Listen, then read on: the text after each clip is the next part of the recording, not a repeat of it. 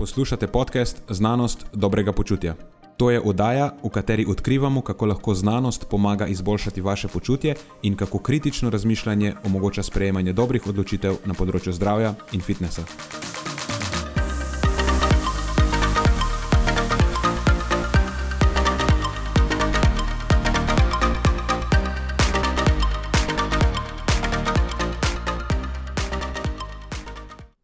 Pozdravljeni, z vami sva Nenad in moj sovoditelj Matjaš. V prvem delu tokratne epizode boste slišali, katere so najpomembnejše prehranske prilagoditve v podporo treningu na visokih nadmorskih višinah. Drugi del pa je precej bolj senzacionalističen. Namreč ugotavljamo, kateri prehranski ekstrem bi zmagal, če bi na področju izgube maščobe ter presnovnega in kardiovaskularnega zdravja med seboj primerjali rastlinsko nizkomaščobno in živalsko nizkohidratno prehrano oziroma bolj po domače, katera dieta je boljša za hujšanje in zdravje, veganska ali ketogena. Preden začnemo, pa se moram zahvaliti še našim sponzorjem. Zaenkrat to še vedno ni velika korporacija, temveč zvesti poslušalci, ki nam izkazujete zaupanje in podporo s prijavo v našo člansko skupino Znanost dobrega počutja. Hvala vsem, ki s tem držite luči prižgane in omogočate podkastu, da raste in postaja še bolj kakovosten. Hvala tudi vsem, ki nas podpirate s pozitivnimi komentarji in visokimi ocenami, ter s tem, da priporočate podcast svojim znancem in prijateljem. Zdaj pa je končno čas za začetek epizode. Uživajte ob poslušanju.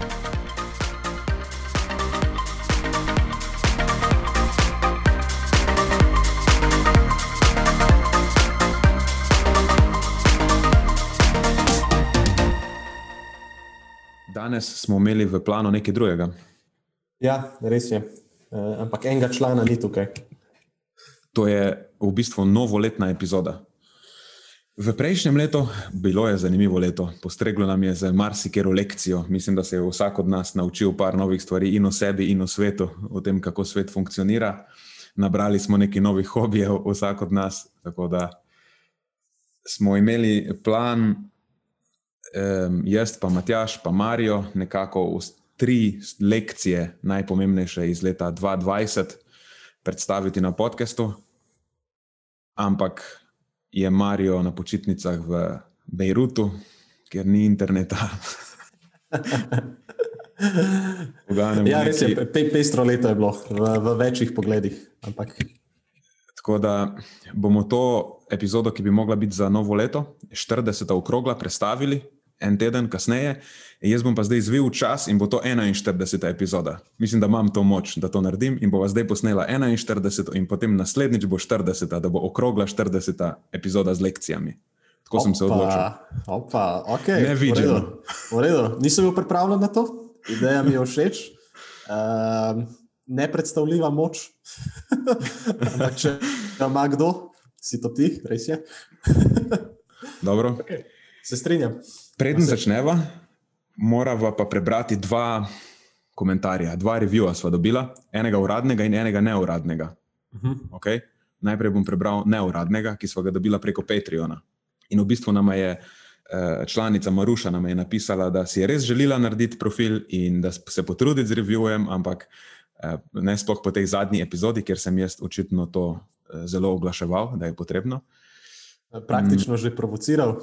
Ja, ampak potem je ta Apple, res to je res, kar napišem. To je dejansko res. Ta Apple je potem od nje zahteval vse sorte osebnih podatkov, ne? kako je ime njenemu srednješolskemu fantu, pa kakšna je njena številka modrca. To ste klasično malo se je, vprašanje. Malo se je šalila, ja, ampak Apple dejansko zahteva neka um, varnostna vprašanja, kako se temu reče. V glavnem en kup stvari, ki so res bolečina v ta zadnji. Uh mhm. -huh. Tako da pač se je, pravi, da se je zaenkrat odločila, da nam da vse možne zvezdice in lunice preko Patreona, in takoj, ko bo opcija še kje, se potem še javno oglasi. Super, Maruša, čisto razumeva. Eh, ja. Najlepša hvala za vse zvezdice. Ja, res super, Maruša. In... hvala tudi Maruši, se moramo zahvaliti tudi za, za dolgo, dolgoročno, kako ste mu rekli. Dolgo je že članica. No? -huh. in naj jo spremlja že od začetka. In je res fino, da se tako oglasi skozi kakim eh, dobrim komentarjem, konstruktivnim. Se tudi ta review je imel konstruktiven komentar. Uh, napisala je, da je niti slučajno ne motijo o vodi in če so komu odveč, jih komod preklika. Ne, to tudi jaz pravi. Mislim, če ti kaj ni všeč, klikaj naprej. Sej obstaja zavrti naprej funkcija, na srečo. Uh -huh. Uh -huh. In da to, da včasih zafilozofirava, je čisto simpatičen del vsega skupaj, da ima poslušalec malo občutka, da naj jo poznava, kar je plus, se meni zdi. Uh -huh. Potem sem pa jaz dobil eno kritiko in pravi sicer, da se moram naučiti smejati večini tvojih for, in potem sva zmagala, če mi to uspe. Tukaj sem bil jaz sicer malo zmeden, ker sem bil pripričan, da se smejem tvojim foram, ampak očitno ne dovolj. Aha, zanimiv komentar. Problem je, po mojem, mislim, problem pod narekovaji, po mojem, v tem, da se mi dva, mi dva se vidiva ne, preko kamere. Tako da tudi jaz se kdaj smejim, kdaj se na glas, kdaj se ne na glas, ko imam mogoče tudi sklopljen mikrofon, in, in enako se zgodi tudi pri Nenadu. E, takrat, ko imam kakšen svoj segment, pa kaj neumnega rečem, vidim sicer Nenada, da se smeji, ampak je za eh, skritim mikrofonom. Ja, jaz nisem tisti, ki se dosti krat na glas smeji. Jaz sem bolj eh, ne izražam svojih čustev tako eh, glasno, ali kako se temu reče. Ja, jaz sem, jaz sem, sem bolj... pač čist drugačen tip osebe in se potem pogosto, ko poslušam podcast za nazaj, ko delam časovnico za vsakega izmed njih. Eh, se poslušam in si kdaj rečem, Matjaž, te se mal bolj potih smej, ker to ni več ok. uh, ja, napisala je še to, da je bilo všeč tisti stretching, pa to oziroma neke stvari, ki so itak že stokrat povedane, ampak ji je všeč, da to potem še enkrat mi dva tako lepo, skoncentrirano in urejeno zapakirava. Izvrstno. Pozitivni komentarji. Torej, vse lunice tukaj predvidevam, da pet zvezdic smo dobila, če bi to bilo na, na Apple. No, potem imamo pa še drug komentar, uraden komentar, vemo od koga je, tudi eden izmed naših članov, ki se je pa potem prijavil na Apple Podcasts in nam je dal eno zvezdico da bi mene usrečil. Če jih tehnično, tehnično je pet zvezdic, dal je pet zvezdic, ampak je potem napisal, da je ena zvezdica v šali. In to bo zdaj še ena posebna prilika, ne? ko jaz preberem ta review. Namreč obljubil sem mu, to je moj, um, kako se temu reče, niso narodnjak, ampak lahko bi rekli, eh, kolega prekmurec. In je komentar napisan v prekmorščini, kar je super.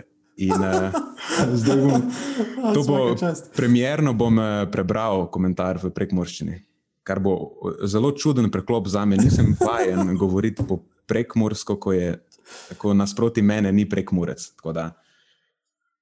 Ja, ja, jaz sem to spomnil, ker malo trema. Enkrat v, v živo, ne, ko si se pogovarjal o starši na tistem tripu po prekmorju. Tako da ja, ja. Eh, veselim se, ker prevzami.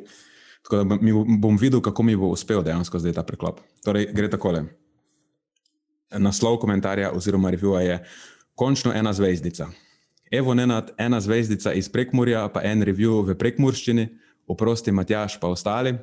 V bistvu razlog za eno zvezdico je glif ton, kaj če se ne bi v enoj od prejšnjih epizod v uvodu, kaj je v tebi črno-bela krv, ti sploj ne bi vrvo, kaj znaš po naše. Vsakoj epizodi čakam, če ti kaj vujde po naše, samo si preveč suvereni, kar je spoštovanja vredno. Ampak, če bi ti pa tam še kaj ponašal v plinu, bi ti, po moje, bila pika na i. Šalo na stran, podcast je vrhunski, ker ne vem, če je kakšna epizoda, ki bi jo samo in ok poslušal, samo tako dale. upam, wow, da sem, nora, nora. upam, upam, da je bilo po vseh standardih, ker je kar pre, preklop za me. No. Um, Glej, ne vem, ne znam oceniti. Meni se je slišal dobro, jaz nisem polovice razumel, to je načeloma dober znak. V glavnem, povedano je bilo, da me je izdala moja naklonjenost Muri, nogometnemu klubu. Uh mhm. -huh. Ampak da sem očitno dobro maskiram to. Ja, to pa je res. To se vam strinjam. Ej, a misliš, da bi, bi mogel kar eno celo epizodo imeti v prekmorščini? Bi bilo... No, mogoče bi potem dobila res eno zvezdico. v tej epizode pa nisem razumel. In s tem mislim, da so upravila z vsem, kar je bilo z housekeepingom. Ok, všeč mi je bil. To je bil najboljši housekeeping do sedaj. Čim več takih. Ok. Povej mi, kaj imaš ti za danes pripravljeno? Uh, fuh, danes, danes imam uh, eno temo prehranskih prilagoditev na visoki nadmorski višini. In uh, idejo za ta segment sem v bistvu dobil pred kratkim, ko so se odprla smočišča ponovno in se spomnim, da veliko ljudi hodi telovaditi na višjo nadmorsko višino. Zdaj, mogoče bi bilo to zanimivo za koga. Tako. Ok, kul. Cool. Um, jaz sem pa nekako razmišljal, da bi naredila uvod v novo leto tako bombastičen, spektakularen. In sem se odločil za. Pred kratkim so sicer na preprintu, so Hal in sodelavci, torej ta ekipa Kevina Hala, objavili raziskavo o primerjavah nizkohidratne pa rastlinske, taj plant-based prehrane. Tako da bo to en boj ek prehranskih ekstremov. Imáš na eni strani čisto vegansko prehrano in na drugi strani tako zelo precej ekstremno keto prehrano. Tako da vojna diet, bova temu rekla. Katera je boljša? Nekako eh, stopnjuješ kontroverznost teh eh, tematik proti koncu leta. Ali je bil to načrt? Pa to je zdaj za novo leto, da odpremo novo leto. da, se, da se odpre na novo. Okay. Ja. Ej, drugače, je vrhunsko. Drugače ne bi, ne bi vzel neke raziskave, objavljene na preprint serverju, ampak pač Kevin Hall. Njemu mislim, da lahko zaupamo. Ja, ja to, to je okay. eden izmed najbolj rigoroznih uh, raziskovalcev, ki, ki obstajajo sploh ja. na področju prehrane. Ja, definitivno, Kevin Hall je MVP. Uh, ne, na eno, eno prošnjo imam. In Oj. sicer, uh, glede na to, da potem, takoj zatem, nadaljujem z enim seminarjem, imam eno predavanje uh, na temo prehranskih dopolnil za športnike. Uh, bi te prosil, če lahko jaz danes predstavim začetni del tega sendviča. Lahko malo potem spočijem svoje glasilke. Absolutno, kako bi lahko to prošnjo zavrnil. Evo, vrhunsko, super. Uh, sicer se pa veselim tega, uh, tega seminarja. Bo, bo zelo pozno zvečer in to tik pred, ja, tik pred zdajci bo tudi potem že, že novo leto. Tako, mislim, si bo to novo leto kar precej zaslužilo. No? ja, uh, to je neka serija seminarjev, ni? Tako je, ja, serija seminarjev, narejena strani 2A Sports Lab, Že nekaj časa sodelujemo z njimi, jaz mislim, da je to že na tretji ali pa mhm. četrte, četrti seminar, kamor so me povabili. Vedno je zanimivo, vedno je zabavno. In pa govorim o svoji najljubši temi prehranskih dopolnil, tako da tudi če bi bil na pol mrtev ali pa če bi me sredno čist zbudil, da to odpredavam, bi, bi se potrudil, definitivno. ja, tukaj sploh ne dvomim, da ne bi bilo na nivoju, karkoli ti dam prej za delati. hvala lepa, hvala za, hvala za uh, podporo. Okay. Noč, ker skočimo noter v temo, da ti potem odpovem besedo. Skratka, eh, prehranske prilagoditve na visoki nadmorski višini. Eh, zdaj, če slučajno niste vedeli, visoka nadmorska višina ima nek vpliv na naš endokrin sistem, eh, na našo presnovo, na naš občutek za žejo in še marsikaj drugega. In potem na podlagi tega bi lahko izpeljali neke praktične in uporabne nasvete, če nameravate iti trenirati na visoko nadmorsko višino ali pa tam tekmovati. In pri tem segmentu si bom pomagal z enim pregledom literature, narejen strani Stelingwerfa in sodelavcev lansko leto. E, mogoče bi bilo čisto za začetek tega segmenta pomembno omeniti, da bi se najbrž dal diskutirati o tem, kaj je zdaj najbolj optimalen protokol treniranja na višini, ampak najpogosteje zasledimo priporočila uporabe nekih manjših do srednje velikih nadmorskih višin, to so v rangu 1600 do 2400 metrov, pa da se tam ostane približno 2 do 4 tedne. In v tem času naj bi prišlo do uh, adaptacij, primarno na nivoju količine rdečih krničk, ki jih ima posameznik. Zaradi delovanja eritropoetina, oziroma EPO, če ste morda že slišali za to, ki se zelo pogosto zlorablja za izboljšanje zmogljivosti, primarno pri vrhunskih vzdržljivostnih športnikih, še posebej pri kolesarjih, to zelo pogosto zasledimo, sicer je pa to seveda prepovedana substanca. Um, Tako da tukaj bo govora predvsem o prehranskih prilagoditvah, vezanih na neko dolgoročno izpostavljenost višjim nadmorskim višinam, nekaj, kar se običajno zgodi zgolj vrhunskim vzdržljivostnim športnikom, ki lahko preživijo tudi po vem, petino ali pa četrtino svojega celotnega leta v takem okolju. In po drugi strani ti sledeči na sveti morda niso ravno najbolj koristni za nekoga, ki gre recimo samo za en dan z družino ali pa s prijatelji pač nekam na izlet smučati. Ampak kakorkoli že. Um, poglejmo si, na, ka, na katere stvari bi bilo najbolj smiselno popaziti. Zdaj, uh, ene par faktorjev, ki bi jih izpostavil. Prva točka, uh, prva točka je zagotovo dnevni energijski vnos posameznika. Upoštevati je potrebno, da je presnova nekoliko višja na visoki nadmorski višini. Ko govorim o visoki nadmorski višini, uh, mislim predvsem nad 2000 metrov, tako, je, tako se običajno to definira pri pri tem tipu literature. Um, in zdaj, če k temu prištevamo še dejstvo, da ta višja nadmorska višina pogosto tudi sopada z neko nižjo zunanjo temperaturo, bo to pomenilo, da bo potrebno nekoliko bolj popaziti na dnevni energijski vnos posameznika. Še posebej, če je to zelo aktiven posameznik, če se pogovarjamo o nekem športniku in ta višji dnevni energijski vnos naj bi prihajal primarno na račun oglikovih hidratov. To so nekakšna ključna priporočila. Ampak poštevati je potrebno, da to zdaj niso enormne količine, ampak če naredimo nek tak banalen primer zelo hitre računice, ki jo tudi izpostavljajo uh, avtori tega pregleda literature. Recimo, da bi na račun prej omenjenih faktorjev pokurali nekih 300 dodatnih kalorij dnevno, kar se meni sicer zdi kar precej velik, um, bi to nanesli lahko celih 25 tisoč kalorij na neki letni ravni, če športnik ostane na takih pogojih 3 do 4 mesece, kar se dejansko zelo pogosto tudi zgodi v praksi. Ja, potem v takih primerih je pač to definitivno vredno vzeti v obzir.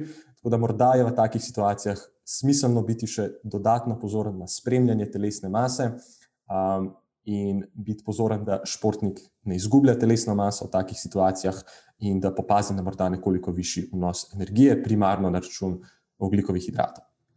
Uh, potem naslednja točka je hidracija. Uh, hidracija je tako zanimiva stvar, vezana na visoko nadmorsko višino, namreč hipoksični pogoji okolja na visoki nadmorski višini, skratka okolje, ki ima uh, nekoliko nižjo razpoložljivost kisika, če se lahko tako izrazim, in pa uh, sočasno nižja stopnja vlažnosti zraka, sta povezani z višjo stopnjo izgube telesne tekočine preko znojenja, kakor tudi preko respiracije, in to tako tekom vadbe, kakor tudi tekom počivanja.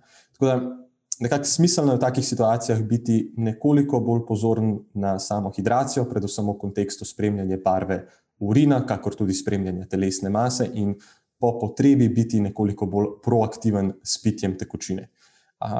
V praksi sem parkrat opazil tako bolj anedoktalno, sicer, da se to pogosto zgodi pri kakih smočarjih, da mogoče ne popijejo dovolj, mogoče ravno v teh nekih hladnih pogojih pogosto ne zaznamo, da da, da smo tako žejni, kot bi sicer v nekih toplejšem okolju, kjer ne vem, se morda bolj pospešeno znojimo in podobno. Ampak vseeno, ne, vseeno izgubljamo tekočino in vseeno je vredno biti pozoren na to. Um, potem naslednja točka za hidracijo je železo. Uh, zdaj, kot sem že prej omenil, je nekako primarni razlog, zakaj sploh športniki grejo trenirati na visoko nadmorsko višino ta, da dobijo neko konkurenčno prednost v smislu povečanja količine kisika, ki ga lahko koristijo med vadbo oziroma tekmo, preko povečanja količine rdečih krničk, ki prenašajo ta kisik. Zdaj, za tvorbo teh rdečih krničk pa je potrebno železo. In železo je nekaj, kar je že tako ali tako eh, relativno pogosto problematično pri športnikih, ehm, še posebej pri ženskih eh, vzdržljivostnih športnicah, to najpogosteje opažamo eh, in v literaturi, in v praksi. Tako da če, gremo, če imamo plan nekako trenirati na višjo nadmorsko višino, bi na naslovu železa bi bilo zelo smiselno opraviti eno krvno analizo in to par tednov pred odhodom na samo višjo nadmorsko višino, in potem tudi ustrezno suplementirati prehrano z železom v obliki prehranskega dopolnila, v odvisnosti od statusa železa v telesu. In avtori uh, Stelingworth in sodelavci tudi podajo neke specifične smernice, kako dopolnjevati železo, torej s kakšno količino, koliko časa pred odhodom na trening kamp, potem tudi med samim treniranjem na tej višji nadmorski višini, in to v primeru, da so vrednosti feritina oziroma železa v zalogi.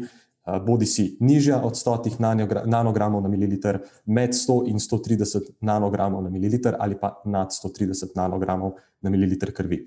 Zdaj, teh smernic, ki so malo bolj podrobne, tudi ne bi zdaj predstavljal podrobneje, ampak bodo pa prišle v obliki ene take priročne slike k našim Patreon podpornikom.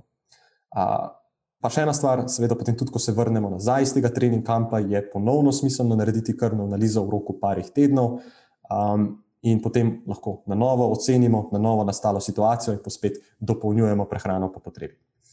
Uh, in Potem še za sam zaključek, so pa še neka specifična prehranska dopolnila v kontekstu prehrane na višini. Uh, za začetek bi bilo tle dobro omeniti, da imamo res precej malo literature na tem področju, tako da težko izpeljemo neke dokončne zaključke, ampak neke stvari, v katere se, uh, se gibljemo v ta trenutek, oziroma ugotavljamo ta trenutek, so sledeče. Prvo kot prvo, da je dodajanje antioksidativnih prehranskih dopolnil ni priporočeno v takih situacijah, in to kljub temu, da je oksidativni stres na telo v takšnih situacijah običajno povišen, saj bi ta antioksidativna dopolnila imela lahko izrazit negativen vpliv na samo adaptacijo športnika na trenažni proces, torej se na nek način streljamo v lasno nogo s takim pristopom. Mm, ko rečem ta antioksidativna dopolnila, imam v mislih predvsem kakšne megadoze vitamina C, vitamina E in eh, podobnih pripravkov. Prav tako se kot učinkoviti ne izkažejo moji priljubi nitrati, ki jih ta trenutek raziskujem na doktorski stopni.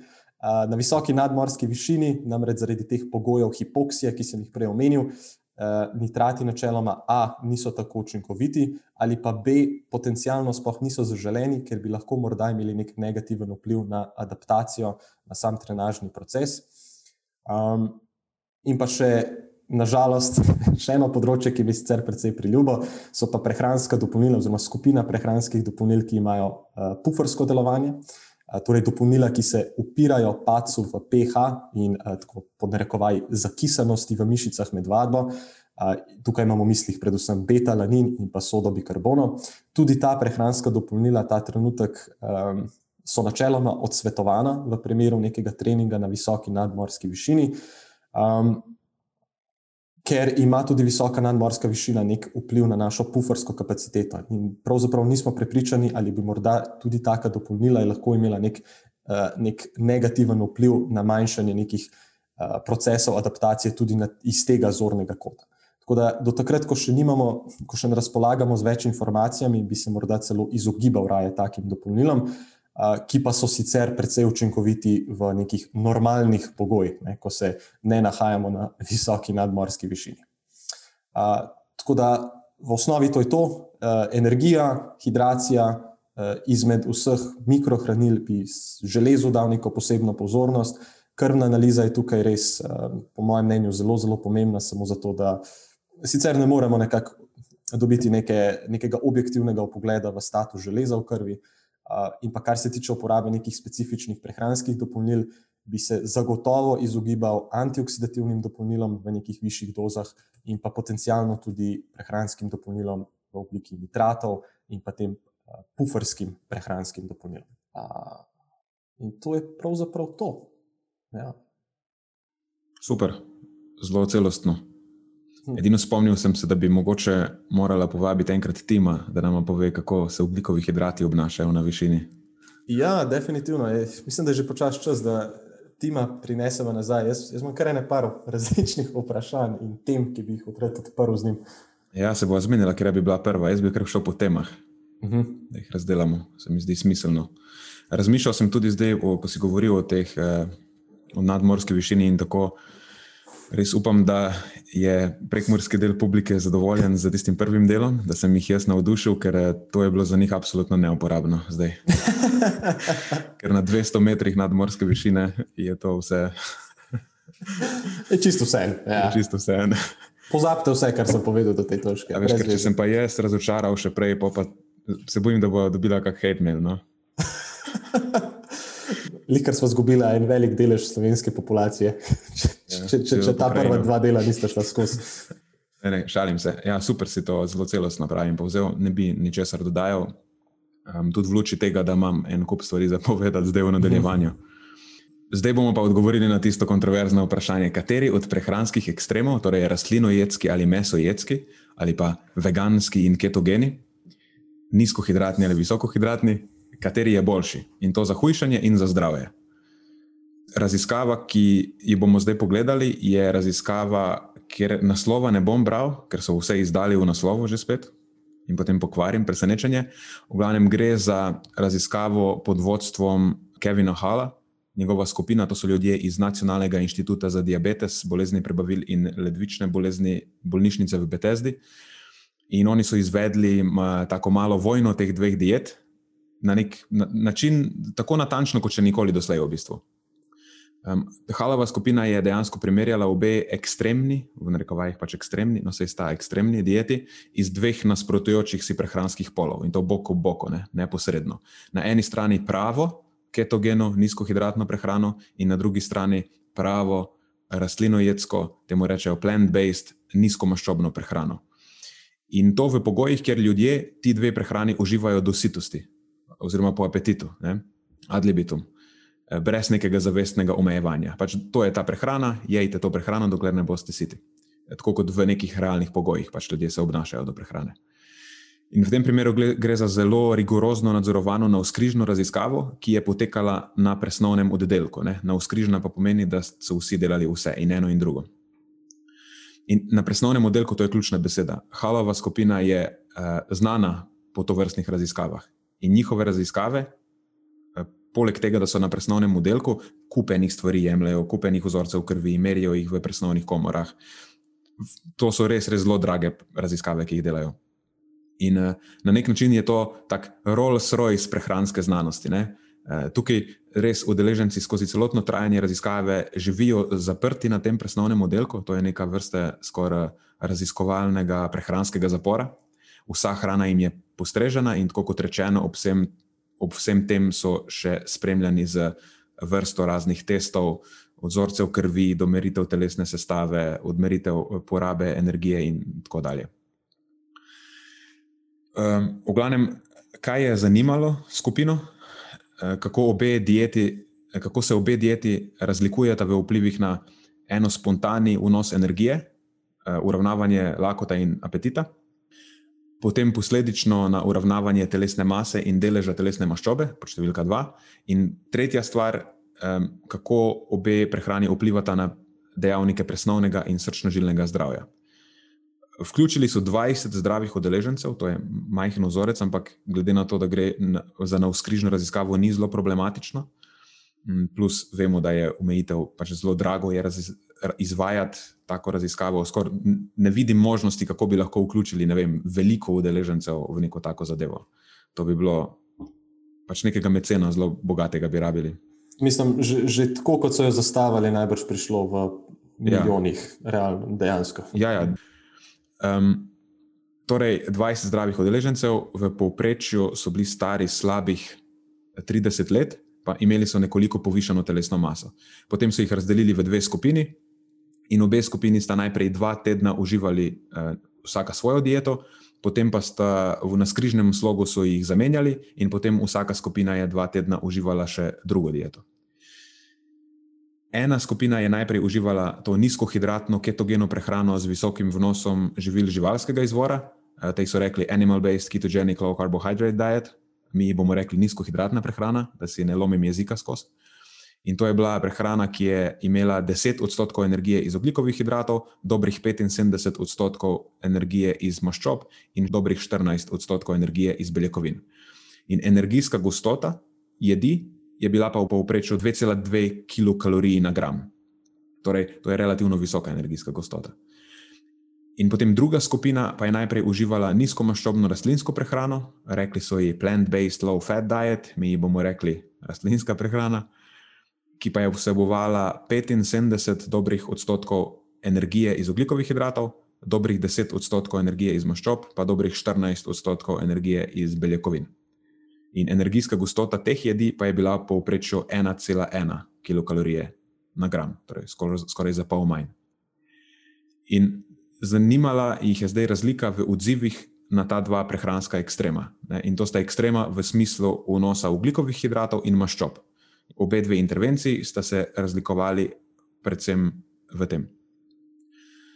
In na nek način res predstavlja, dejansko predstavljata vsaka svoje diametralno nasprotje. Dejansko gre za raziskavo, ki primerja nizkohidratni in nizkomaščobni ekstrem. In če kdo ne verjame, da so to res neke take prave jedi iz teh ekstremov, lahko preveri slike in seznam sestavin vseh obrokov, ki so bili uporabljeni v raziskavi. Ker Halova skupina je toliko dosledna, da dejansko slika in objavi vsak obrok, vse, kar so udeleženci pojedli v tej raziskavi. Mislim, oni so še hujši od najhujših Instagram influencerjev. Vse je poslikano. In na slikah je res jasno, da, da gre za klasične, to so tako arhetipski recepti obeh načinov prehranjevanja. In ne more biti bolj pravo, ne? tudi nekako uravnoteženo, upoštevajoč ta pravila, so sestavljeni. Ko imaš nizkohidratne obroke, so tam neke slanine, jajca, pa precejene zelenjave. um, potem na listnate zelenjave, seveda, ne, take, ki ne vsebuje oglikovih hidratov. Eh, veliko. In potem na drugi strani imaš spet neke čičerike, pa veš, pač neke klasične jedi. Tudi dejansko pri rastlinski prehrani so bili neki, eh, tudi precej je bilo sladic, pa marmelade so bile, pa eh, razni rogliči, pa take stvari. No? Vse, kar bi nekdo, ki povprečno se po.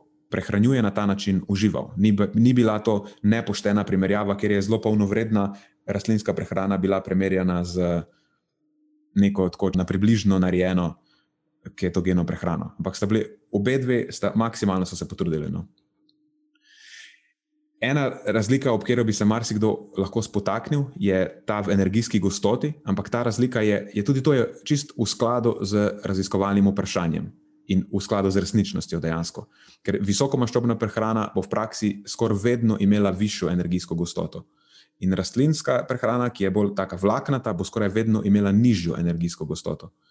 Tako da v tem primeru to ni pomanjkljivost ali pa neka slaba zasnova, ampak bi skoraj lahko rekli, da je nasprotno, ne? da je to odraz neke dobre zasnove, eh, ker je upoštevala realne okoliščine, eh, takšne kot bi bile, če bi nekdo pač te stvari si sam sestavil v resničnem življenju.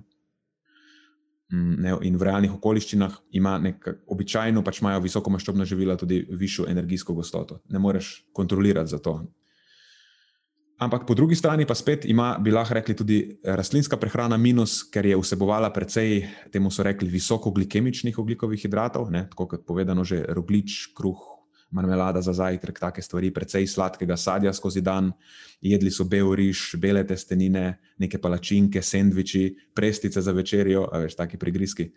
In veš, tudi to bi se lahko marsikomu zdelo kot pomanjkljivost in nek handicap za rastlinsko prehrano ampak pač ni. Ne? Tudi tukaj gre eh, zgolj za nek odraz resničnosti, ker hm, rastlinska prehrana bo v praksi skoraj vedno vsebovala tudi tista živila, ki pač vsebujejo več enostavnih sladkorjev, rečemo temu, in pa nekih bolj hitro prebavljivih ugljikovih hidratov, ne?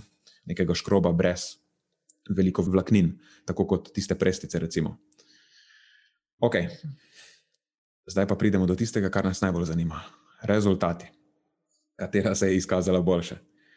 In smiselno se mi zdi najprej preveriti rezultate učinkov na apetit in na sitost, in kako je to vplivalo na spremembe v telesni masi.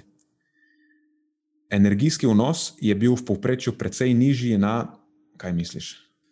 Hm, mislim, če bi bil nekdo, ki stavi, potem bi rekel, da, da pri rastlinski prehrani. Tako je, na rastlinski prehrani in skozi oba dva tedna, precej konstantno, za 550 in 700 kalorij na dan. To je veliko.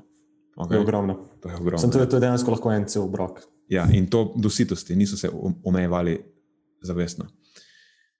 In to je bilo, ta učinek je bil, ne glede na to, ali je skupina prvi, prva dva tedna uživala rastlinsko in potem nizkohidratno prehrano, ali obratno. V obeh primerih je bil energijski vnos na rastlinski prehrani precej nižji, in ta učinek je ustrajal skozi oba tedna. Tako da ne moremo reči, da je šlo samo za nek prehodni učinek prvih parih dni. Tudi po dveh tednih so udeleženci na rastlinski prehrani še vedno uživali precej manj kalorij kot udeleženci na nizkohidratni prehrani. In zanimivo, spet to je Hal in sodelavci. Um, objavili so individualne podatke, kar je pač pri 20 izvedljivo. In uh, vsi, dobesedno vsi udeleženci so zaužili manj kalorij na rastlinski prehrani. Tako da ni bilo niti nobenega, ki bi nekako v nasprotju z ostalimi na ketogeni prehrani oziroma nizkohidratni prehrani pojedel manj. Vsi so bili složni. Zanimivo. Skoraj vedno je nekdo, ki je, ki je outlier. Tako ja, tako, kar je tukaj, ga pač ni bilo. Mm. Uh, tudi kar se tiče nekih razlik v občutkih zadovoljstva s hrano in užitka med prehranjevanjem, ni, udeleženci pač niso poročali nobenih značilnih razlik. Vse kaže, da sta jim bili obe vrsti prehrane podobno všeč. In če se vrnemo na slike, vsi obroki dejansko izgledajo precej okusno. Jaz bi jih vse pojedel, če bi mi jih postregli. Na podlagi tega, kar je videno, ker so res fino prezentirani, ne? nobeden ni, nobeden ne zgleda čudno. In okay. na tej točki dejansko mislim, da lahko upokojimo tisti mit, da je pač visoko maščobna prehrana v vsakem primeru bolj okusna od nekih drugih načinov, sploh recimo od neke rastlinske prehrane, ne? ali pa da rastlinska prehrana ne more biti okusna. Pač glede na to, da so udeleženci kazali veliko mero zadovoljstva z obema vrstama obrokov, bi jaz rekel, da je nekako nauk zgodbice najbrž ta, da je vse odvisno od načina priprave. Če imaš občutek za to, bo obrok okusen, če nimaš, bo obrok za nič, in to je neodvisno skoraj od tega, ali je stvar nizkohidratna ali pa pretežno rastlinska. Ali pa karkoli vmes. Ali pa karkoli vmes. Ja.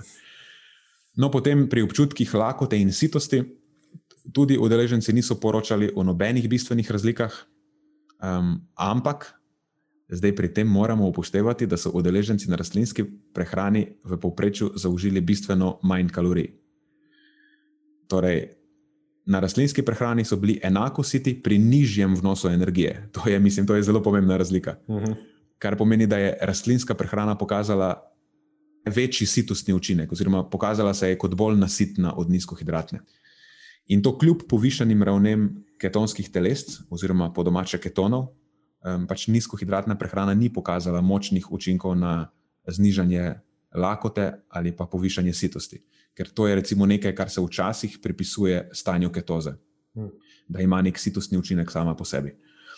Mm, in vsaj v tem primeru kaže, da visok vnos vlaknin in eh, nižja energijska gostota, da sta to um, neka dejavnika, ki bi utegnila biti bolj pomembna za uravnavanje apetita in za sitost, kot pa sami ketoni. No, potem pa še kar se tiče tistega drugega dela energijske enačbe, koliko damo ven, to je dnevna energijska poraba. To so merili v respiratorni komori in bila je 170 kilokalorij, 170 kalorij nižja pri rastlinski prehrani. Ali si hm. presenečen? Ja, sem ja. Res? Hm, malo. Bi se mi zdelo, da bodo bolj aktivni. Se v bistvu videl, ne boš presenečen, kaj ti povem. Kljub temu, da uh, ni bilo, po, ni bilo razlik v porabi zaradi fizične aktivnosti. Um, so imeli udeleženci na nizkohidratni prehrani uh, vse nekoliko višjo presnovno stopnjo. Ampak ni, to ni nenavadno in ni nepričakovano. Obstaja pa nevarnost, da si to stvar nekdo napačno interpretira. Okay? Ali pa se tudi, če ne, nimaš vseh podatkov, ali pa zelo na hitro o tem ogibaš, se ti zdi presenečenje. Ampak tukaj, sigurno, skoraj ne gre za nobeno posebno pospešitev presnove, ampak Večino razlike v energijski porabi lahko razložimo z dejstvom, da so udeleženci na nizkohidratni prehrani zaužili precej več energije in nekoliko več beljakovin. Ne pomeni, da ja, itak, višji vnos energije ponavadi že v osnovi pomeni višji termični učinek hranjenja, plus lahko bi povzročil tudi dejansko povišanje presnovne stopnje na račun nezavedne aktivnosti, um, torej nekih teh takih uh, gibov, ki se glih ne štejejo kot um, neka hoja ali kaj takega.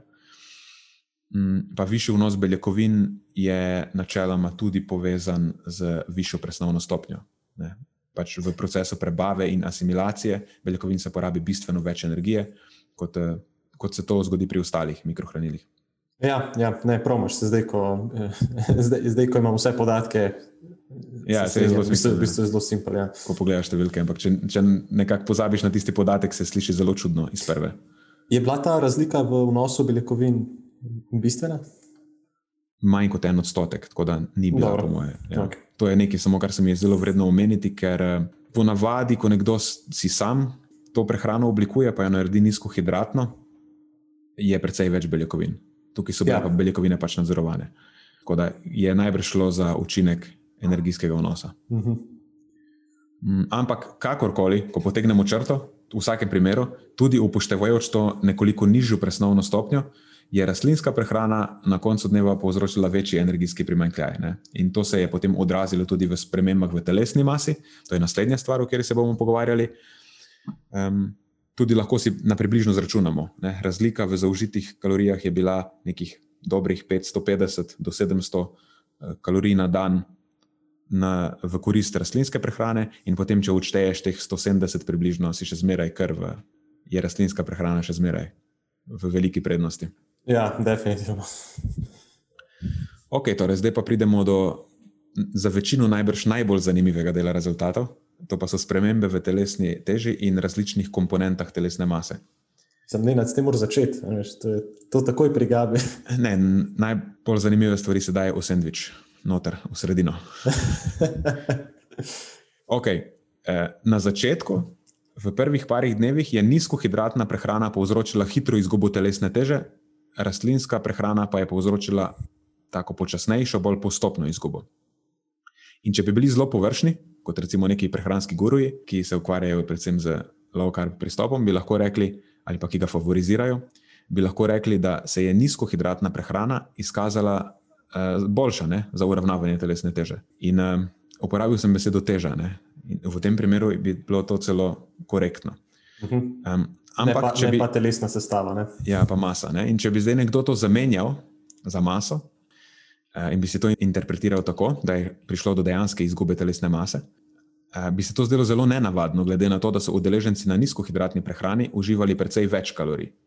Ne, to bi bila pa res neka presnovna čarovnija. Ziger bi Kevin Hall dobil Nobelovo nagrado za kaj takega. Ampak, kot rečeno, beseda je bila teža, ne teža, kot jo pokaže tehtnica.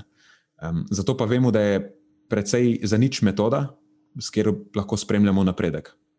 In še posebno slaba metoda je, če spremljamo spremembe v telesni maščobi, In še bolj posebno slaba je, ko govorimo, o, oziroma ko je uporabljena metoda nizkohidratna dieta. Bomo rekli, zakaj, ampak za spremljanje realnih sprememb v telesni masi je precej bolj uporabno opraviti meritev z neko drugo metodo, recimo z DEXA napravo, kot so jo uporabili tudi v tej raziskavi, poleg navadnega tehtanja, ker ta DEXA nam pa lahko eh, bolj natančno pokaže dejanske spremembe v pusti in maščobni masi. Eh, po tej metodi pa je bila zgodba v raziskavi zelo drugačna. Nizkohidratna prehrana je na začetku povzročila hitro izgubo puste mase. To najbrž ne pomeni, da so udeleženci izgubili mišice oziroma telesne beljakovine, pomeni pa skoraj zagotovo to, da so um, zaradi omejitve ugljikovih hidratov izpraznili svoje zaloge glikogena, to pa je potem povzročilo še izgubo vode, povezane s tem glikogenom. In eh, na nizkohidratni prehrani so torej udeleženci potem pospešeno, eh, v narekovajih, shujšali v vodo, in to se pač na deksameritvah pokaže kot izguba puste mase. Lahko. In eh, to ni nič presenetljivega. Hitra začetna izguba telesne vode je na nizkohidratni prehrani zelo znan in dobro ustanovljen fenomen. To vemo že iz to, to 50 let, že vemo. To ni nič kaj takega. No, potem pa pridemo do spremembe v dejanski maščobni masi. No, s tem prejšnjim smo tudi podali odgovor, zakaj je bila sprememba v telesni teži zelo hitra. In zdaj pa pridemo do dejanskih eh, sprememb v maščobni masi. In eh, glede na razliko v zaužitih kalorijah med skupinama, nič nepričakovanega. Eh, nižji energijski vnos na rastlinski prehrani je povzročil uh, tako večjo, nasplošno in pa postopno izgubo maščobne mase. Uh, v številkah je to pomenilo neko tako zelo spodobno izgubo 3-4 kg v dveh tednih. In eh, če upoštevamo, da se udeleženci sploh niso trudili izgubiti maščobe, je to v bistvu odličen rezultat, niso se zavestno omejevali, sploh po nesreči so skušali dejansko. No, na drugi strani pa nizkohidratna prehrana, po prvem tednu um, niso izgubili nič maščobe, po dveh tednih pa mo mogoče četrt kilograma torej razlika. Če potegnemo črto, medtem ko so bili na tehnici udeleženci na nizkohidratni prehrani precej lažji, so v resnici izgubili precej manj maščobnega tkiva. In, uh, po enem tednu je tehnica v povprečju pri njih pokazala skoraj 2 kg manj, oni pa dejansko niso izgubili niti grama maščobe. To je bilo v prvem tednu. Ne? In to je dejansko zelo slikovito predstaviti ta razlog, zakaj so nizkohidratne diete zelo popularne in kako je lahko to problematično. Ker najprej povzročijo hitro izgubo telesne vode in dajo nek tak lažen občutek hitrega hujšanja, in ljudje potem dobijo tak zmoten občutek, da stvar deluje, stvar hitro kupijo, v rekovajih kupijo, in eh, doskrat potem še bolj zagrizajo, so motivirani. Je pa problem, ker se potem to pogosto ne obrestuje, pa lahko vodi v neko frustracijo, eh, lahko še bolj zagrizajo, ker si mislijo, da ne delajo za dost nizkohidratno. Um, in potem vidimo, ne, da v bistvu ni tako zelo super stvar, kot je sprva kazalo. Plus, nizkohidratna dieta je lahko iz večjih razlogov problematična tudi za zdravje, oziroma povezana je z nekimi neugodnimi vplivi na zdravje. E, to pa še posebno, če se je nekdo gre na pamet, oziroma zelo ekstremno, oziroma če dela to v kombinaciji s fizično aktivnostjo. Potem se lahko zelo hitro spravi v težave. Ok, kakorkoli.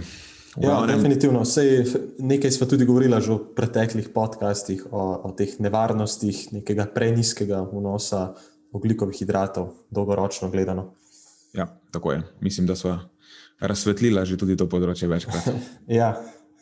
Tako da, če, eh, če zaključimo s tem področjem, oziroma s tem podpoglavjem, lahko rečemo, da je v namene uravnavanja apetita, nekega povečanja sitosti in hitrejše izgube odvečne maščobe, boljša rastlinska prehrana, oziroma da se je bolje izkazala rastlinska prehrana in to zelo očitno se je izkazala bolje.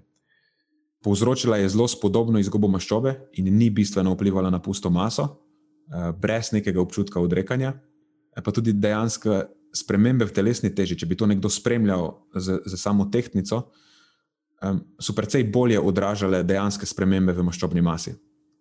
Dočim po drugi strani nizkohidratna prehrana je povzročila neko tako v narekovajih lažno izgubo, ki je bila predvsem na račun telesne vode, in v dveh tednih nizkohidratne diete um, udeleženci pač niso imeli nič posebnega za pokazati, vsaj ne na področju izgube telesne maščobe. So imeli pa zelo konkretne stvari za pokazati na področju zdravja. to je pa zdaj zadnje področje, ker lahko rečemo, da hujšanje je ena stvar, zdravje pa je druga stvar. In uh, tako da ostanejo nam še rezultati o vplivih obeh načinov prehranevanja na te markerje presnovnega in srčno-žilnega zdravja. Najprej krvni sladkor. Tukaj lahko rečemo, da je bila rastlinska prehrana povezana z višjim krvnim sladkorjem po obroku in pa nasplošno skozi dan. Kar nekako ni presenetljivo, glede na to, da pač govorimo o prehrani z višjim deležem oglikovih hidratov, pa tudi višjim deležem enostavnih sladkorjev. Tako da pač ta nekoliko nižji krvni sladkor pri nizkohidratni prehrani tudi ni nepričakovan. Pač tam ni bilo oglikovih hidratov, zakaj bi bil pa krvni sladkor višji po obroku, če ne ješ oglikovih hidratov. Ne? Ampak, zdaj to, ki bi si lahko nekdo to interpretiral kot, ojej, rastlinska prehrana poviša moj krvni sladkor, to je slabo. Nič od tega ni bilo relevantno. Kljub temu, da so bile vrednosti krvnega sladkorja na rastlinski prehrani više, so bile še zmeraj znotraj, eh, po domače rečemo, neke zdrave normale, oziroma znotraj referenčnih vrednosti. In še ena stvar, ki se tudi pogosto omenja v povezavi s povišanim krvnim sladkorjem, eh, to ni vplivalo na izgubo telesne maščobe, ker vpliv prehrane na vrednosti krvnega sladkorja pač nimajo nobene direktne povezave z izgubo uh, telesne mase, kar se je pokazalo tudi tukaj. Glede na to, da je v tem primeru ravno prehrana z višjimi ravni krvnega sladkorja povzročala hitrejšo in večjo izgubo maščobne zaloge. Bolj očitno ne more biti pokazano, da pač to ne drži. In uh, še to, nekoliko višji krvni sladkor v primeru te raziskave ni pomenil nič slabega za splošno presnovno zdravje. In to so potrdili tudi z rezultati temu rečemo obremenilnega testa z glukozo. In pokazalo se je celo nasprotno, ker slabše so se na tem testu odrezali tisti udeleženci, ki so bili na, oziroma od takrat, ko so bili na nizkohidratni prehrani. Ne, nizkohidratna prehrana je bila povezana z relativnim poslabšanjem tolerance na ugljikove hidrate, in eh, med tem testom se je pokazalo, da se po nizkohidratni prehrani udeleženci odzovejo z eh, bolj povišanimi vrednostmi krvnega sladkorja in tudi z nekoliko večjo eh, to area under the curve, to je površino pod krivuljo inzulina. Torej, v odzivu na test se je po nizkohidratni prehrani izločilo več inzulina. To je to pa nekako nakazuje na poslabšano sposobnost uravnavanja krvnega sladkorja po nizkohidratni prehrani. To spet ni nek fenomen, ki bi zdaj bil prvič pokazan, pri neke fiziološke odpornosti proti inzulinu, tako da nič novega dejansko. In potem še vrednosti glikiranega hemoglobina, eh, te pa nekako označujejo, to so vrednosti, ki, oziroma marker, ki meri, kako dobro je bil nadzorovan krvni sladkor v nekem daljšem obdobju, in vrednosti se med skupinama niso razlikovale kar je še en pokazatelj, da ta nek eh, marginalno, kronično povišan krvni sladkor na rastlinski prehrani pač ni problematičen. Mm, Okay, na tej točki lahko omenimo še to vrednost ketonskih telest, oziroma ketonov, ne? in pa inzulina na tešče. Nizkohidratni prestop, povsem pričakovano spet, je bil povezan s povišanimi ravni ketonov v krvi, in že po enem tednu so te ravni presegle 1,5, eh, kako je to milimolar, se reče, kako je to po slovensko, milimolarno. Pač ena tisočinka mola na liter, kakorkoli si to po slovensko rečete temu. in, Tako je. Ja. um, in potem, kmalo po uh, tem, ne, v neki v drugem tednu, so že dosegle 2 um, milimolar. Tako da to so zelo dostojne ravni ketonov v krvi. Ja, ja so. so. Uh, Mislim, no, da se noben ne bi mogel spotakniti. Ja. In spet pričakovano, tudi ravni inzulina so bile na nizkohidratni prehrani precej nižje. Tako da na tej točki pade še ena, oziroma ne pade, ampak pohodimo jo še enkrat, ker padla je že kar nekaj časa nazaj. pohodimo tisto hipotezo, eh, da je izguba maščobe močno odvisna od ravni inzulina, oziroma da je za hujšanje boljša tista prehrana, na kateri je inzulin kronično čim nižji. Pač ne. V tej raziskavi se je nizkohidratna prehrana izkazala slabše za izgubo maščobe, pač kljub temu, da je povzročila bistveno niže ravni inzulina, v primerjavi z rastlinsko prehrano, za katero so bile značilne više ravni inzulina, in pa pač odsotnost ketonov. Ne? Pač ni jih bilo mhm. logično, če so pojedli full hidratov. Kar nam zelo očitno sporoča, da proizvodnja ketonskih teles in nizke ravni inzulina pač niso garancija za izgubo maščobe. Lahko ti proizvajaš vse ketone na svetu, pa pač ne boš hujšal samo zaradi tega. In v tem primeru je bila dejansko neketogena in precej inzulinogena prehrana bolj uspešna, tako da pač toliko o tem. Uh mhm. -huh. In mislim, da lahko res mirno pokopljemo še tudi tisti argument, to je pa še druga stvar, oziroma to spohni argument dejansko, ker to si že prej namignil na to, ne? niso bili adaptirani. pač, glej, kar se tiče kurjenja maščob, v narekovajih kurjenja, um, se jim je v tej nizkohidratni, oziroma takrat, ko so uživali nizkohidratno prehrano, se jim je očitno zelo napolno dogajalo. Uh, ne, glede na izmerjene ravni ketonov, so dokaj močno v narekovajih kurili maščobo, ampak jim to pač ni čisto nič pomagalo pri dejanski izgubi maščobe, ker je bila maščoba, ki so jo pospešeno kurili. Spet karikirano rečeno, tista iz krožnikov, ne tista iz telesne zaloge. Karikirano pa zato, ker če smo um, fiziološko čisto točni ali pa korektni, velika večina maščobe, ki jo zaužijemo s prehrano, ne more biti uporabljena za energijo takoj, ampak bo šele čez nekaj ur po obroku. Ne, ampak uh mhm. -huh. še zmeraj gre za bilanco teh maščob. In potem še čisto zadnja stvar, ki jo moramo reči, pa mogoče moja najljubša. Uh, to so pa vrednosti lipidov v krvi, torej trigliceridov, holesterola in lipoproteinov, to LDL in HDL. To so recimo, rečemo temu, glavni markerji srčno-žilnega zdravja in to so tudi markerji, ki jih običajno, ki se običajno merijo, ko nekoga zanima tveganje za srčno-žilne bolezni. Najprej trigliceridi, njihove vrednosti so na rastlinski prehrani nekoliko porasle, na nizkohidratni prehrani pa so se nekoliko znižale. To je še ena taka klasična opaska. Načeloma se to zgodi, ko nekdo gre na eno ali pa na drugo prehrano. Ampak spet z vidika zdravja ali pa tveganja za bolezni, nobeno od teh vstopanj ni relevantno. Oboje vrednosti so bile znotraj neke tako zdrave normale, spet znotraj referenčnih vrednosti. In na srečo pač srčno-žilno zdravje ni tekmovanje v tem, kdo ima nižje trigliceride, tako da je to pač nerelevantno. Ko so trigliceridi ok, so ok. In to, da ima nekdo nekoliko nižje, je čist nerelevantno.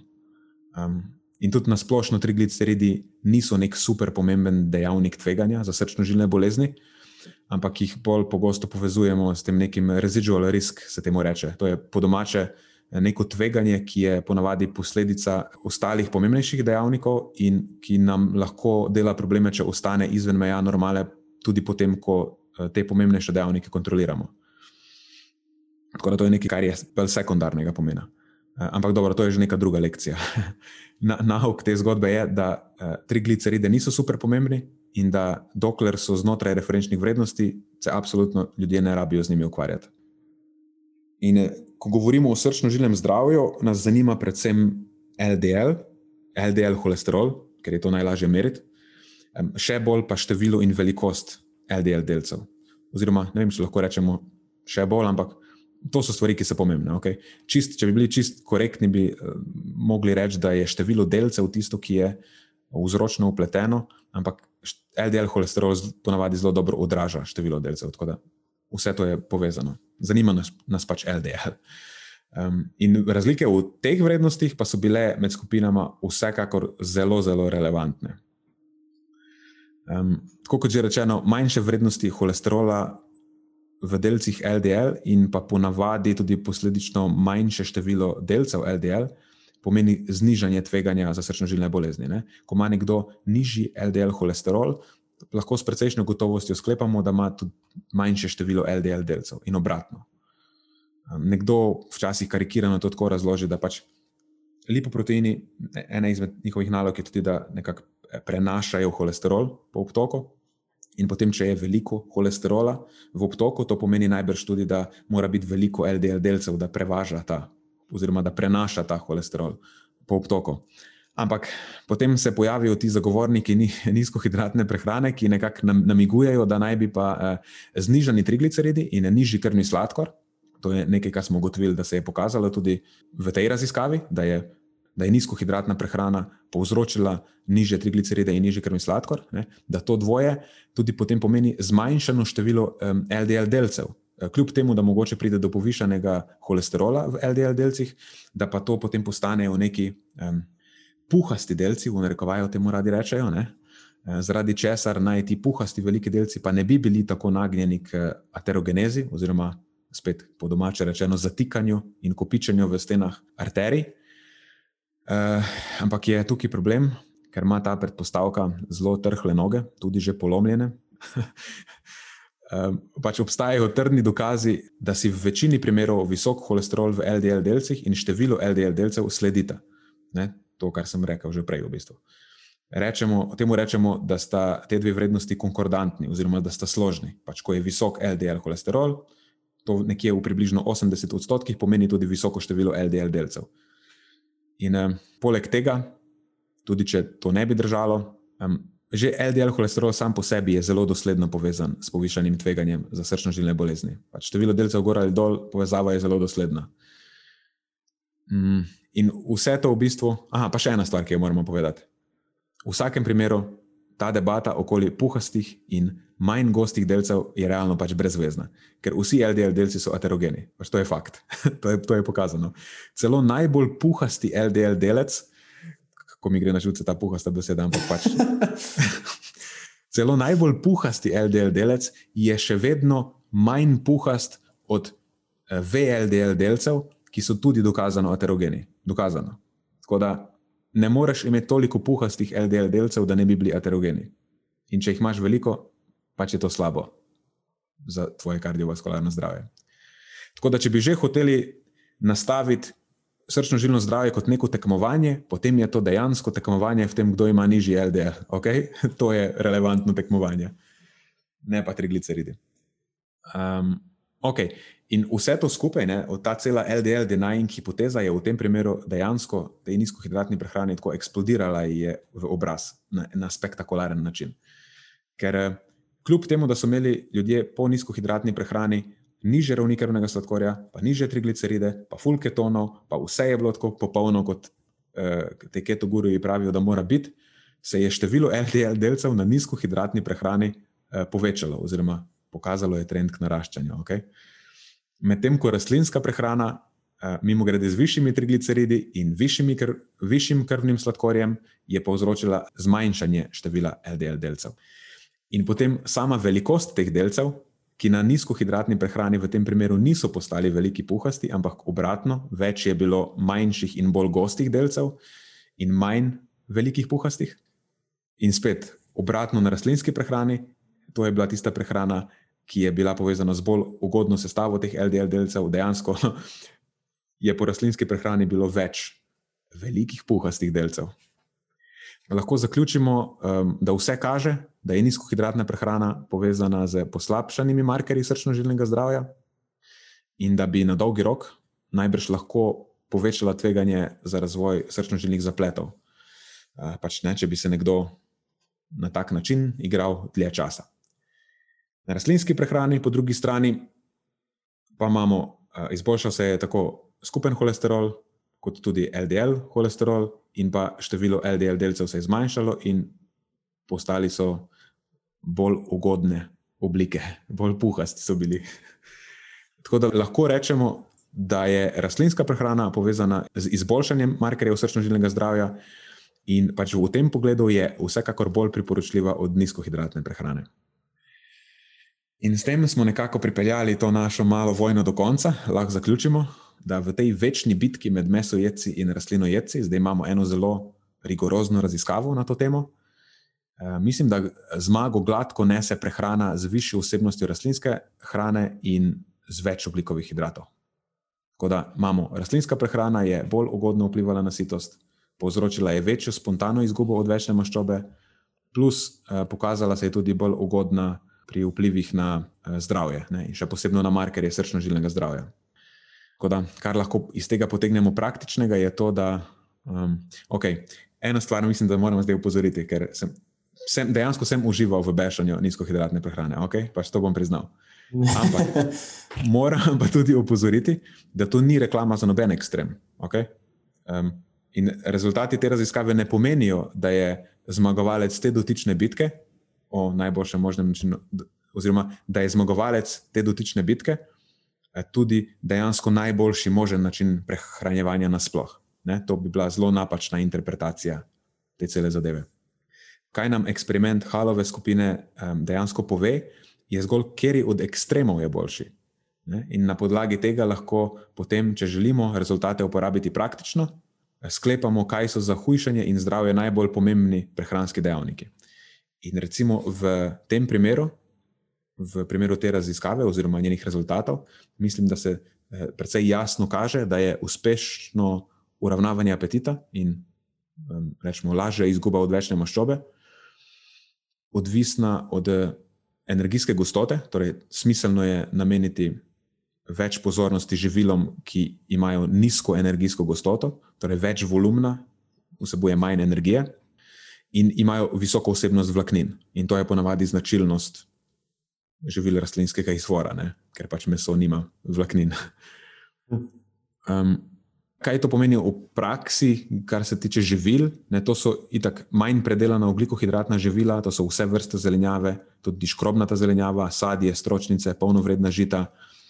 Vse to je za nekoga, ki je recimo del splošne populacije, ki ima v osnovi težave z nadzorovanjem energijskega vnosa. To so ljudje, ki v osnovi pojejo preveč, ne, to je na svet za njih, ne na svet za ljudi, ki trenirajo pet ur na dan. Oni rabijo drugačen na svet, ampak generalno za splošno populacijo je to dober na svet, da bazirajo svojo prehrano na tem. In uh, po drugi strani, da pa je obremenjevanje z nekim glikemičnim indeksom, pa krvnim sladkorjem, pa inzulinom, pa ketoni, pa vsem tem podobnim, praktično nepomembno. To ni nekaj, kar bi kakorkoli relevantno vplivalo na uspeh skuševalne diete, ali pa na, uh mhm. -huh. tudi na zdravje konkretno. Ne, Definitivno. Tudi... Mogoče lahko tudi to omenjava, da če se slučajno kdo zakne v to, eh, da tudi pri nizkohidratnih pristopih, če še dobim dovolj vlaknin, lahko na račun eh, neke zelenjave, Mogoče bi lahko samo to omenila, da poznamo več različnih vrst vlaknin. Uh mhm. -huh. In tista v zelenjavi ni enaka tisti, ki jo najdeš naprimer, v, v stročnicah ali v polnovrednih žitih, in da vsaka nudi neke svoje posebne ugodnosti, in da je morda tista na naslovu polnovrednih žit še posebej ugodna za naše zdravje. Mm, ja, absolutno, good catch. Pa še obstajajo različne, vr različne vrste vlaknin, tudi imajo specifične učinke. Recimo vlaknine iz žit so povezane bolj dosledno z manjšim tveganjem za diabetes tipa 2, pa z manjšim tveganjem za, mislim, da raka na črvesju, kot recimo vlaknine iz zelenjave ali pa spoh eh, sadja. Mm. Tako da ni enako, če ja. izključuješ žita iz prehrane, pa ne dobiš teh vlaknin, um, zna biti, da si zaradi tega nekoliko na slabšem. Ja, tako da zelenjava je super, da ne bo pomote, samo mogoče je bilo to dobro dobiti še kakšne druge vlaknine.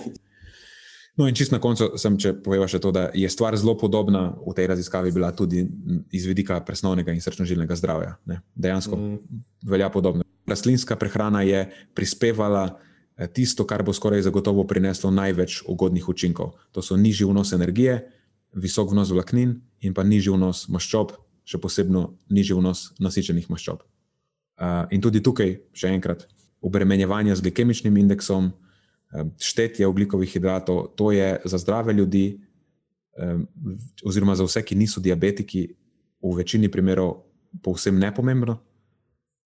In dejansko bi lahko bilo celo kontraproduktivno, sploh če vodi uh -huh. potem po poti neke nizkohidratne ali celo ketogene prehrane, ki je pač na tem področju povezana s slabšimi izidi. Tako da zdaj sem uradno eh, član Vegan Family. To, veš, kako je, eh, zelo bi rad, zelo bi rad slišal, eh, zelo bi rad videl, da slišijo to tisti, takrat, ko si objavil tisti članek o, o game changerjih. Samo da bi res videl, da nisi, da nisi pristranski. Si v bistvu ja, na njihovi hejtam, strani. Hejtam obe strani, hejtam obe strani enakomerno. Jaz si res usluge, res si ne delam usluge. Ne, sovražniki imaš na obeh koncih. To bo, ena, to bo zdaj lahko je preview, sicer to bo ena izmed mojih lekcij okay? za, za naslednjič. Ena izmed zelo pomembnih lekcij, ki sem, jih, ki sem jih podzavestno vedel že dlje časa in se tudi obnašam se, eh, tako, ampak sem si jo artikuliral pred kratkim. V bistvu gre za en pregovor enega škotskega avtorja, McDonald's, piše, pozabil sem njegovo ime. Se, seveda se McDonald's piše, kako, kako bi se to rekel. Eh, ampak je relativno znan škotski avtor. V glavnem, eh, zdaj ga bom parafraziral, malo, oziroma razmesaril ta njegov citat. Ampak on je rekel, da je to, da ti nekdo da zaupanje, vredno bistveno več kot to, da ti da svojo ljubezen. Okay? In jaz nisem tukaj zato, da me imate radi, ampak zato, da mi zaupate. -huh. Da je tisto, veš, kar govorim, pač korektno, oziroma da se trudim biti vedno maksimalno korekten. Pa lahko mi zaupate, da če se bom zmotil, bom to takoj priznal. In popravil napako. Ja, tako da zaupanje je tisto, kar iščemo od vas, ne ljubezen. Da, sploh mi ni mar, če me imate radi. Sam, če verjamete temu, kar povem. A lahko to dodam na seznam uh, idej za, za majice, slogane? Ja, lahko bi dodala dejansko to. Mislim, da je ta celo moj najljubši do zdaj. Okay, če bi okay. se to znal. Nujno, nujno gre, da se znam. Ja. In to je zaključek te epizode, Matjaš. Vrhunsko. Eh, moram reči, da ta holova raziskava mi če, če, da, če dalje ljubša mi je. In eh, hitro prihaja na vrh lestvice, ena izmed najljubših, ker res postavi toliko enih eh, klasičnih prehranskih mitov na, na tapeto, ali pa oziroma jih bolj, bolje rečeno postavi na realna tla. Eh, inzulin ni baba, trigliceridi niso tako pomembni kot kakšni drugi elementi, in tako dalje. In tako dalje. Ja, te halove raziskave so skozi tako zlata jama, v bistvu. Ja, Kupenih podatkov je v njih. Ker veselim se, komu bo uspelo še kaj eh, novega dati na plan. Ja, jaz upam, samo, da bo, upam samo, da ga bodo še naprej fundali, da bo našel milijone, ki jih rabi. Ja, uf, težko je, tudi on, si, tudi on si bi znal nakopati sovražnike. Mislim, še ena konca. stvar, pazite, mislim, to moramo, dejansko to moramo povedati. Um, Halovo skupino je nekaj časa. Se res je. Ja. ja, nekaj časa je veliko denarja za te raziskave prišlo iz ene inicijative, ki se imenuje NUSI, to je Nutrition Science Initiative. In to je ena nizkohidratna skupina. Je, okay? Eh, zelo zagovarjajo nizkohidratni pristop. In oni so dejansko namenili ogromno denarja za halove raziskave, ker so vedeli, da so zelo rigorozne, okay? da se hal se pač ne zajebava. In kar se je zgodilo, je to, da je serija treh raziskav tako čist je povozila to, kar so hoteli oni pokazati. Ne? Oni so sicer imeli neke predpostavke, ki so jih hoteli potrditi, popolnoma neznanstven pristop, oni so že vnaprej vedeli, kaj bo prav. Ampak je Hal rekel: ne, ne, ne, ne, ne. ne to bomo mi šli lepo raziskati in bomo videli, kaj se bo pokazalo, kot kar je res. In se je tako vse kontra pokazalo.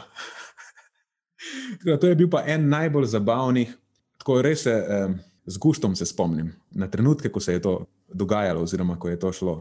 Po internetu. In to je ekvivalent tistemu, ko so oni flat eartheri hoteli posneti dokumentarec o tem, kako je Zemlja eh, ploskva, in so na koncu pokazali, da je planet. Mislim, identično.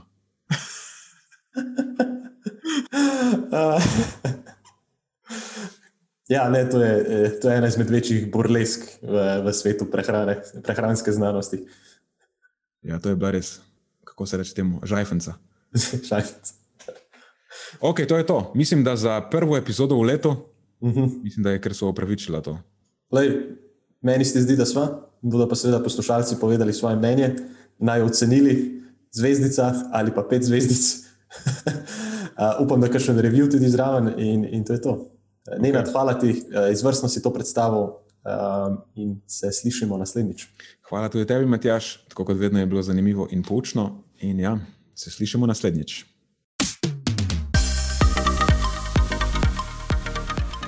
To je za tokrat vse iz naše strani.